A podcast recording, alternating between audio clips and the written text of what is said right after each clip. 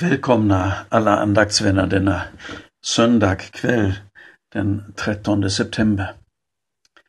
Dagens rubrik Vila er lite knyter an till den gångna söndagens andakt.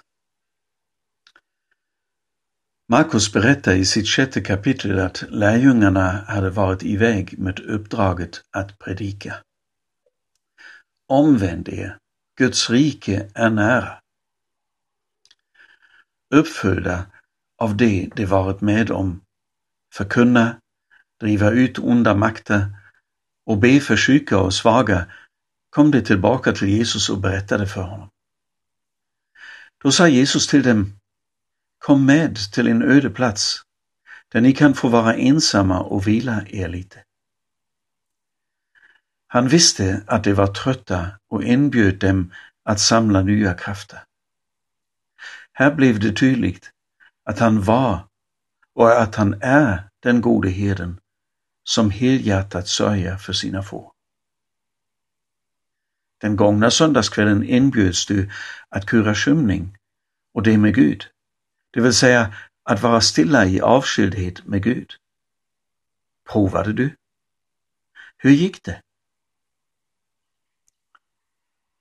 För många år sedan, under en tid då brådskan stod på lyr för att fylla sinnet med stressande tankar, tog jag till mig rådet att som det första på morgonen, när jag tagit svängen över sängkanten, men ännu inte står på mina egna fötter, be eftertänksamt igenom den 23 psalmens sex verser.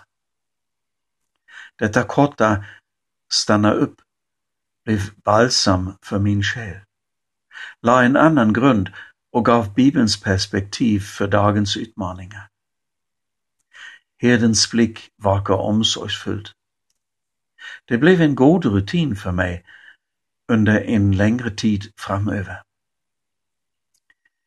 Stillhet är inte en plikt, utan en chans till god samvaro med Gud. Det kan ibland behövas övning att se och känna det så. Bjuder goda vänner in oss blir vi glada och ser fram emot stunden tillsammans. Likadan får du se fram emot att vara med Gud. Han längtar efter att vi kommer till honom och tar plats på hans sommaräng. I hans närhet får vi uppleva vila. En vila så som den beskrivs i kung Davids psalm. En vila på en grön sommaräng med en polande bäck intill där jag får dricka det klara vattnet. Kom till mig och drick, sa han. Samvaron med honom släcker vår törst som inget annat. När själen, mitt inre jag, kommer till ro och hämtar andan, då växer på nytt den trygga förvissningen att han ju visar och leder mig på rätta vägar genom allt. Också om livet är dödsmörk av svårigheter. Kraften som kommer ur stillheten och samvaron med vår herde gör att oron, ångesten och hopplösheten måste släppa sitt grepp om mitt hjärta. Frid och tillförsikt tar dess plats och ofta också en stor portion glädje. Sådan är han, vår Herre och Gud, vår evige Fader, med ett hjärta som slår för oss. I Svenska psalmen 251 får vi en liknande beskrivning.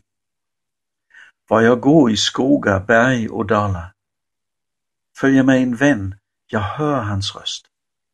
Väl osynlig är han, men han talar, talar stund om varning, stund om tröst. Jesus praktiserade stillheten och drog sig tillbaka i avskildhet, sa jag förra söndagen. Tidigt på morgonen, medan det ännu var mörkt, steg Jesus upp och gick till en enslig plats och bad, läser vi hos Markus. Och Lukas nämner att Jesus gick som han brukade till synagogan. Säkert hade Jesus flera goda vanor som var honom till hjälp att fullfölja sitt uppdrag.